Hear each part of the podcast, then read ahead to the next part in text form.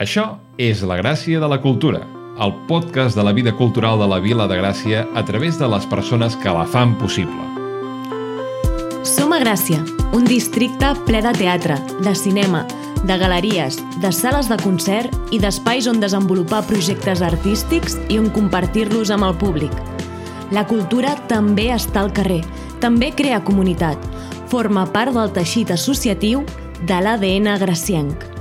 Aquest podcast pretén donar veu a totes les persones i col·lectius que porten a terme diferents projectes culturals i artístics, perquè la cultura són les persones.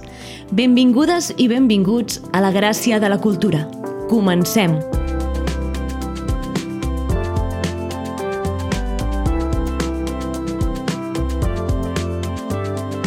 Un podcast realitzat per la periodista Andrea Rodoreda i jo mateix, Jordi Pota, actor, mag, humorista i moltes coses més per intentar sobreviure del món de la cultura. Jordi, com estem? Molt bé, Andrea, i tu? Doncs amb moltíssimes ganes de fer el programa d'avui. Jo també. Sobre quin tema parlarem? Avui parlarem sobre les entitats culturals i històriques de Gràcia. Molt bé. I quines són? Sí, home. Per exemple, el Centre Mural de Gràcia, el Cercle Catòlic, els Lluços de Gràcia... Quantes n'hi deu haver? No ho sé, la veritat. Però bé, totes elles i unes quantes més són centres que tenen molta història. I amb qui podríem parlar perquè ens expliqués una mica les seves històries? Doncs crec que la Josefina Altés seria una molt bona candidata. Tota la raó. La Josefina està molt vinculada a la cultura del barri i ara està a la Junta del Centre Mural, portant la vocalia d'igualtat de gènere. Doncs som-hi. Som-hi. Hola. Hola, Josefina! Hola. Molt benvinguda al podcast de l'Independent de Gràcia. Estic amb el meu company Jordi. Molt benvinguda siguis, Josefina. Com estàs? Bona tarda a tots dos. Molt bé, molt bé, estupendament. Sí, molt bé. Josefina, en el podcast d'avui volem parlar sobre els centres culturals històrics de Gràcia. I com ets una persona que està molt vinculada al teixit associatiu del barri, et volem fer una, un, unes preguntes sobre aquest tema. La primera és, saps quantes entitats culturals històriques hi ha al barri de Gràcia? Mira, les considerades històriques són les que passen de 100 anys. Aquestes de, que passen de 100 anys, en aquest cas, doncs, són les que formen part del G6, que serien Lluïsos de Gràcia, el Cercle, el Centre, l'Orfeo Gracienc, la Federació de Colles de Sant Badí i la Fundació Festa Major de Gràcia. En principi són les sis més antigues. Molt bé. I com van començar totes aquestes entitats?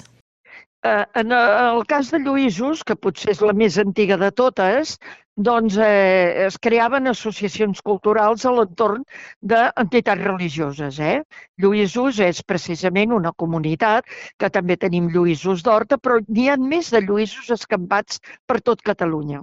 En el cas de Gràcia, doncs, eh, allà on està la plaça del Nord, eh, que la fotografia més antiga eh, representa com una espècie de masia, no? d'una casa en un, en un àmbit més aviat rural. No, no, no tots els carrers del costat han vingut a, a construir els seus edificis molt després, no? I partint de Lluïsos, que ja dic que és la més antiga, que és una entitat que només, només podien entrar socis homes, Carai. fins molt, fins molt entrats, jo diria que fins als anys 60, fixa't tu, i d'aquí neix uh, l'entitat que ve a continuació, que és el centre. El centre diuen eh, que en part es va formar per gent que sortia de Lluïsos quan es casava perquè no podien anar allà amb la seva senyora i que llavors doncs, eh, es van afegir, diguéssim, aquesta entitat com és el centre. És veritat que el centre va néixer també com una entitat formativa, com una escola. S'hi donaven moltes classes a gent treballadora, doncs que moltes vegades era quan sortien de treballar que anaven a estudi, que en deien, eh? En deien a estudi, d'anar a escola. I d'una escissió del centre diuen que va néixer el cercle. Eh? Una discussió que hi va haver-hi entre eh, integrants, diguéssim, del centre va portar a fer néixer el cercle. Jo no sé fins a quin punt això és exactament així o és una mica una història que, mm, bé, s'ha convertit gairebé en, en un document real, no?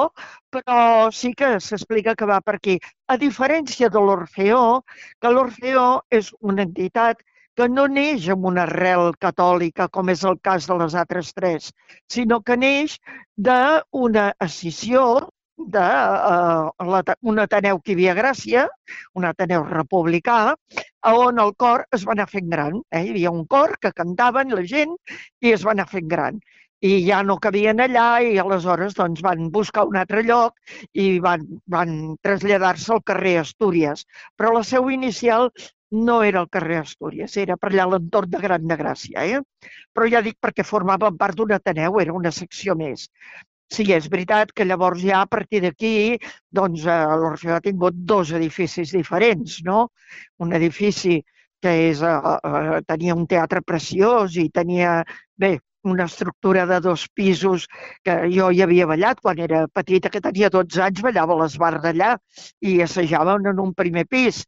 Posteriorment, eh, l'edifici per la banda del carrer Astúries doncs, eh, es va desplomar una part de l'edifici i anys més pres, per la banda del carrer Rubí, que era per on sortíem de l'escenari, per dir d'alguna manera, doncs hi va haver un incendi. Els camerinos era tot era fusta i també doncs, es va cremar. I a partir d'aquí va ser quan es va arribar a un pacte, amb, crec que era amb la Caixa Catalunya, i es va fer l'edifici nou on l'Orfeo va conservar una part de l'edifici, però el de més ja van ser pisos on hi vivien veïns. Eh?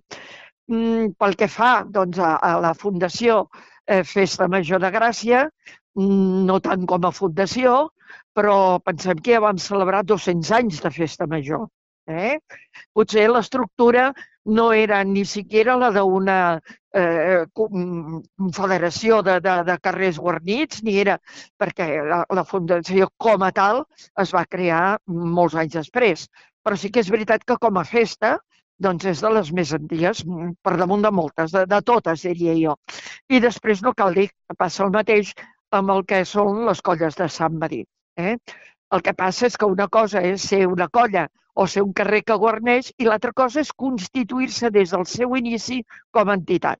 I en aquest cas sí que les altres quatre des del principi són entitats que han agrupat diverses activitats han agrupat activitats de muntanya, de corals, de, de, ja dic en el cas del centre, molta formació també, grups fotogràfics. A l'Orfeo recordo que quan hi anava jo de joveneta hi havia un grup molt important d'espeleologia, per exemple, que inclús va descobrir unes coves a Mallorca que van ser, bueno, es van publicar en diaris i a tot arreu, perquè era una cosa que, que la va descobrir aquest grup que no, no, no, ningú havia sapigut abans que existien aquestes coves, no?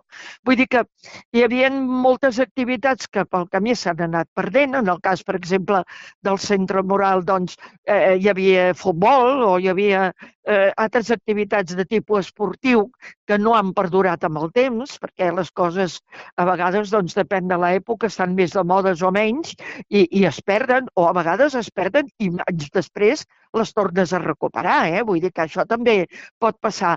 Però sí és veritat doncs, que, per exemple, la importància de, de, que té en el, a Lluïsos doncs, eh, el bàsquet, doncs, eh, en canvi, doncs, amb altres entitats no, no li ha tingut.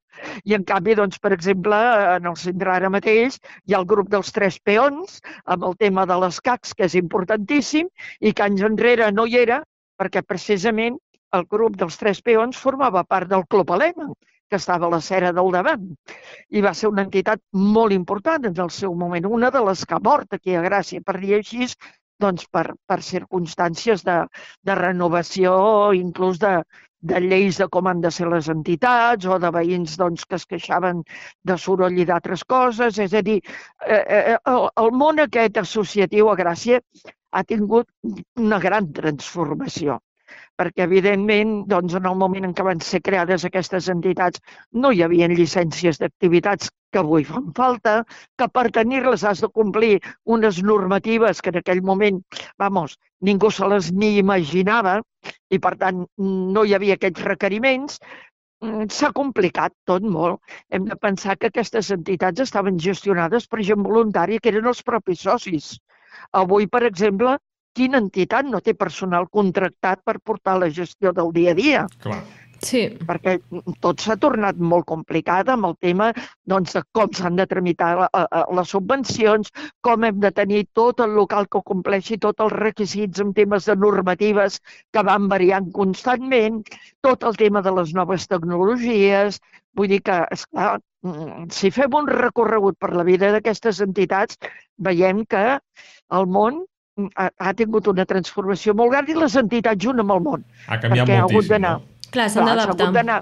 S'ha hagut d'anar adaptant a les circumstàncies de, de cada moment, no? Clar, eh, eh, qui es podia imaginar que hi hauria un ordinador a sobre d'una taula per comunicar-se amb els teus socis quan es van crear fa 150 anys? Clar, clar, tot ha evolucionat no. moltíssim.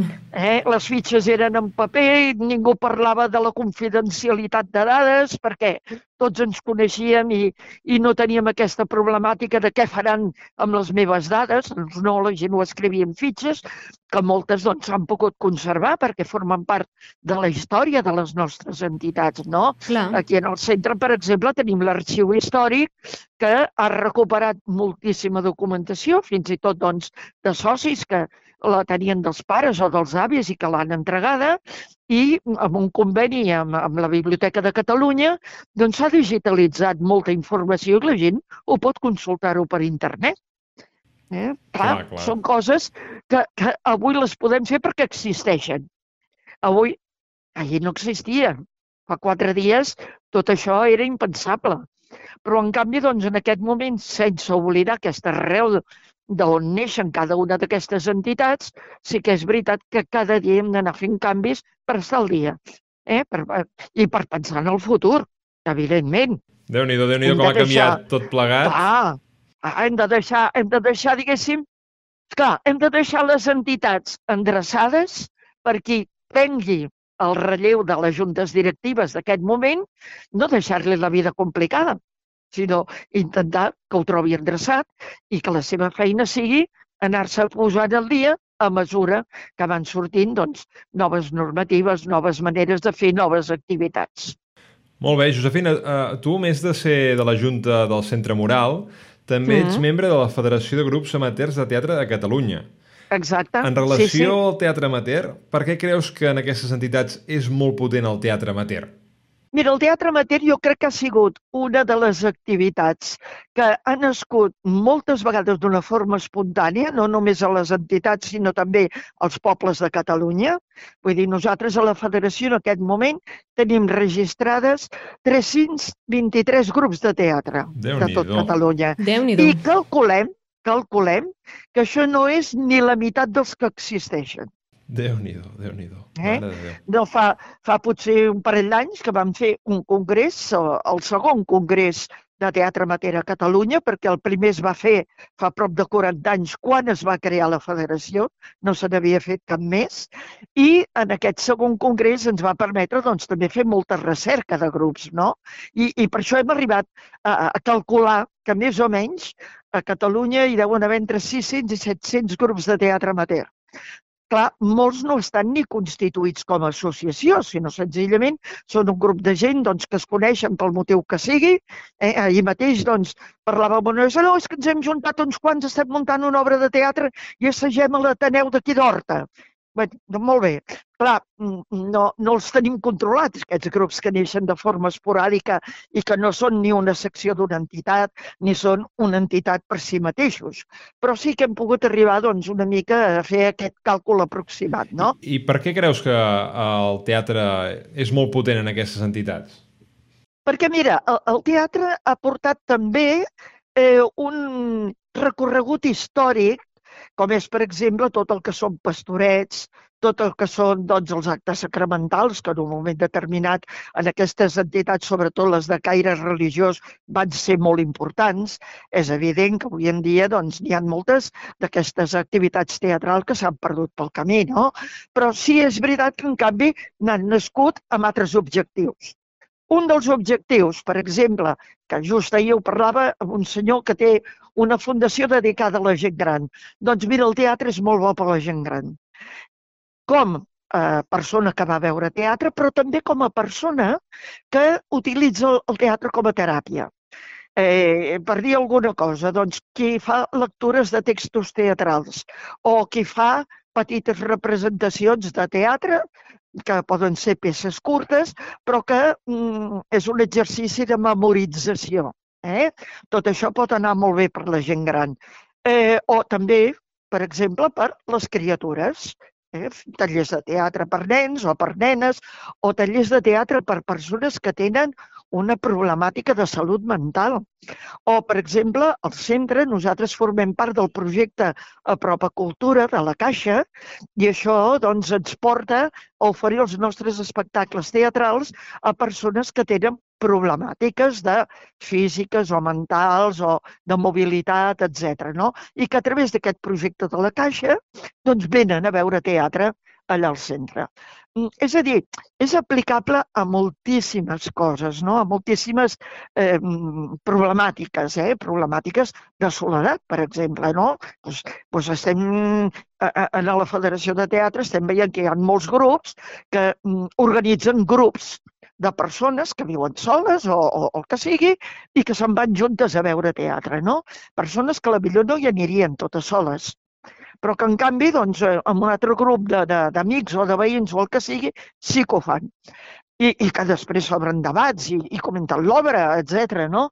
Vull dir que és, és una eina tan, tan interessant i tan potent el teatre que arriba a totes les edats i amb molts objectius que avui en dia cada vegada doncs, eh, els utilitzem més. El teatre social, no? aquell teatre que, que es fa i que són exemple de situacions de la vida diària. O el teatre, per exemple, com el grup La Xixa, no? que, que eh, fan aquests tallers que tenen a veure doncs, contra el racisme, la xenofòbia, etc etc, utilitzen el teatre com una eina de dinamització per fer aquests tallers jo crec que el teatre ho té tot. És, és una activitat molt completa. Molt completa perquè té això, no? Arriba a qualsevol edat i pots tocar qualsevol tema. Realment sí, el, el teatre és una, una activitat molt completa. I Josefina, ja per acabar, què seria del barri de Gràcia sense aquestes entitats històriques? Doncs, evidentment, no seria el que és. Eh? Seria una altra cosa, no em preguntis quina, però és evident que el pes que tenen aquestes entitats en el barri de Gràcia eh, fan que sigui com, com és. És un lloc on la gent es troba, on la gent fa activitats molt diverses, on entre les entitats també es crea aquest vincle, diguéssim, d'ajudar-se les unes a les altres quan hi ha necessitat. No fa gaires dies teníem, per exemple, aquesta representació que es va fer gran de gràcia de la història de Can Trilla, no? I allà hi veiem com, hi, o per exemple, quan fem la revolta de les quintes, no? Que no deixen de ser activitats teatrals al carrer i que allà hi col·laboraven doncs, des del cercle que va deixar que la gent es vestís allà dintre o el centre que va deixar vestuari o, o els que van venir doncs, de, de, de la festa major de Gràcia i van fer els cartells i van estar per altres coses. O, és a dir, aquests, aquests vincles de germanor que és, jo crec que és el que ens defineix com a graciencs i gracienques d'alguna manera. No? Fem el que fem, però sempre hi ha un punt en el que tots ens trobem. I d'això en tenen la culpa les nostres entitats de Gràcia. Doncs moltíssimes gràcies, Josefina, per dedicar-nos una mica del teu temps i explicar-nos com són aquestes entitats històriques de Gràcia, les activitats que fan i, i com enriqueixen al barri de Gràcia a totes aquestes entitats. Moltes gràcies a vosaltres per parlar-ne, que se n'ha de parlar molt de les entitats. Clar que sí. I tant, sí, clar sí. Que sí. Clar que sí. Doncs moltes gràcies, eh? Moltes gràcies, gràcies Josefina. Gràcies, que vagi molt bé. Adéu. Adéu, adéu. adéu, adéu. Molt interessant l'entrevista amb la Josefina i la seva visió sobre el teatre amateur. Sí, em sembla super interessant. I saps què, Jordi? Què? Doncs que podríem entrevistar el president del col·lectiu Gesís, que abans l'ha anomenat la Josefina, i crec que estaria molt interessant poder-lo entrevistar per, per investigar una mica més sobre aquestes entitats culturals històriques al barri de Gràcia. Perfecte. Doncs som-hi. Som-hi. Josep Antoni Torralba. Sí, és en Josep Antoni Torralba, el president de, del G6. Sí, Josep Antoni, què tal? bon dia. Molt bé, bona tarda. Benvingut al podcast de l'Independent. Sóc aquí amb la meva companya Andrea. Hola, Josep Molt Antoni, bé. com estàs? Hola, molt bé, hola. Mira, avui estem fent un podcast sobre les entitats culturals del barri de Gràcia. Explica'ns què és el G6 i quina funció té. Uf, aquesta pregunta no és fàcil, eh, ja de principi. Anem a començar, comencem forts. Comencem forts. Doncs el GESISA és eh, un col·lectiu que replega sis entitats, diguem, podríem dir més antigues de, de la vila, que són Lluïsos eh, de Gràcia, Centre Moral, Cercle, eh, Orfeo Gracienc, Festa Major i Sant Madí. Això seria el que és el, que és el GESIS com a tal. I com va sorgir el G6? pues es van fer, bueno, es van, es van fer reunions en l'època del 2000, principis del 2000-2001 o així, entre els presidents en aquells instants de les entitats aquestes i es va decidir que si s'ajuntaven i feien coses en comú, segurament tindrien els més beneficis en el tema de proveïdors i de eh, avantatges per socis, etc etc. I aquesta va ser la primera idea original, a part de suposo que intentar ajudar també una mica a, a tot el que és l'eix associatiu de, de, de Gràcia, no? Clar, aleshores veu decidir juntar-vos per fer més força entre aquestes entitats i per, per poder tirar endavant entre totes. I això es va aconseguir? Es va notar? Bueno, sí, si t'haig de ser sincer, al principi va funcionar una miqueta millor que, que anys després, però aconseguir aconseguir l'objectiu com a tal, jo crec que no. D'acord, d'acord. O sigui, encara hi ha, hi ha feina darrere per, perquè això acabi de, de pujar, no? Bastanta. Més aviat ara està el tema, el tema, el tema com molt paradet, no? Però bueno, ja, Quines són les dificultats que us heu trobat? Dificultats? Bé, al final, vulguis o no, també, encara que vulguis fer coses en col·lectiu, eh, cadascú mira bastant per casa seva, que també és una cosa que s'entén, eh? Vull dir, no és un, que no soni com a crítica. Llavors, clar, és, és complicat trobar les coses comuns que tothom pugui fer o pugui donar o pugui ajudar i que no afecti mm, directament a la seva entitat o pugui passar alguna cosa. Llavors, a- això és el més complicat. No? Però Clar, bueno, clar. s'ha aconseguit, s'han aconseguit fer coses, eh? s'han aconseguit fer coses interessants, però eh, ara no estaríem en el nostre millor moment. D'acord, doncs bueno, hi ha feina, feina, feina fer en aquest sentit. Uh, creus que, què creus que diferencia culturalment uh, Gràcia d'altres barris? Quines diferències veus entre la cultura Gràcia en altres barris? L'arrelament és molt important, l'essència del fet de ser gracienc o creure's gracienc, perquè hi ha molta gent que ve de fora i, i no només s'adapta, sinó que es fa gracienca, per dir-ho així. Eh, la quantitat de moviment social que hi ha, eh, sobretot molta col·laboració, hi ha pocs districtes que siguin tan, tan associatius, associatius com, com Gràcia, jo crec que sobretot aquests tres diferencials, i, bueno, i el típic que es diu, no? que dos gracients es troben, es diuen hola i estan pensant en què faran al carrer, quina festa o què, o què decidiran. No? Jo crec que això és el més important, eh, sobretot la, la, la, aquest, aquest arrelament i aquestes ganes de fer coses i, i de mantenir tradicions. No?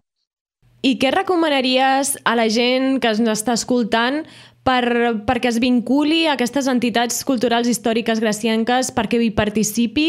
Quina recomanació els hi donaries perquè s'animessin a, a participar-hi?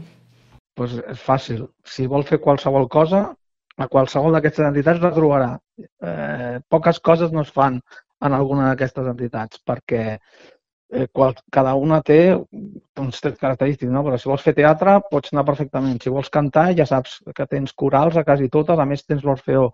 Eh, si vols fer bàsquet tens Lluïsos, si vols fer tenis taula tens Lluïsos, centre, cercle, si vols fer esplais tens, si vols fer Eh, i, bueno, I si vols fer festa major i Sant Madí, està claríssim que també tens, no? Però vull dir que, que tens moltíssimes activitats, de, la gent gran té moltíssimes activitats de matins a, a, a entitats com el centre o, i així, i vull dir, moltíssims exemples, vull dir, si no, no, no, no es poden avorrir. A, a, gràcies a la sort que tenim és que si volem no, no ens cal avorrir perquè tenim de tot sempre.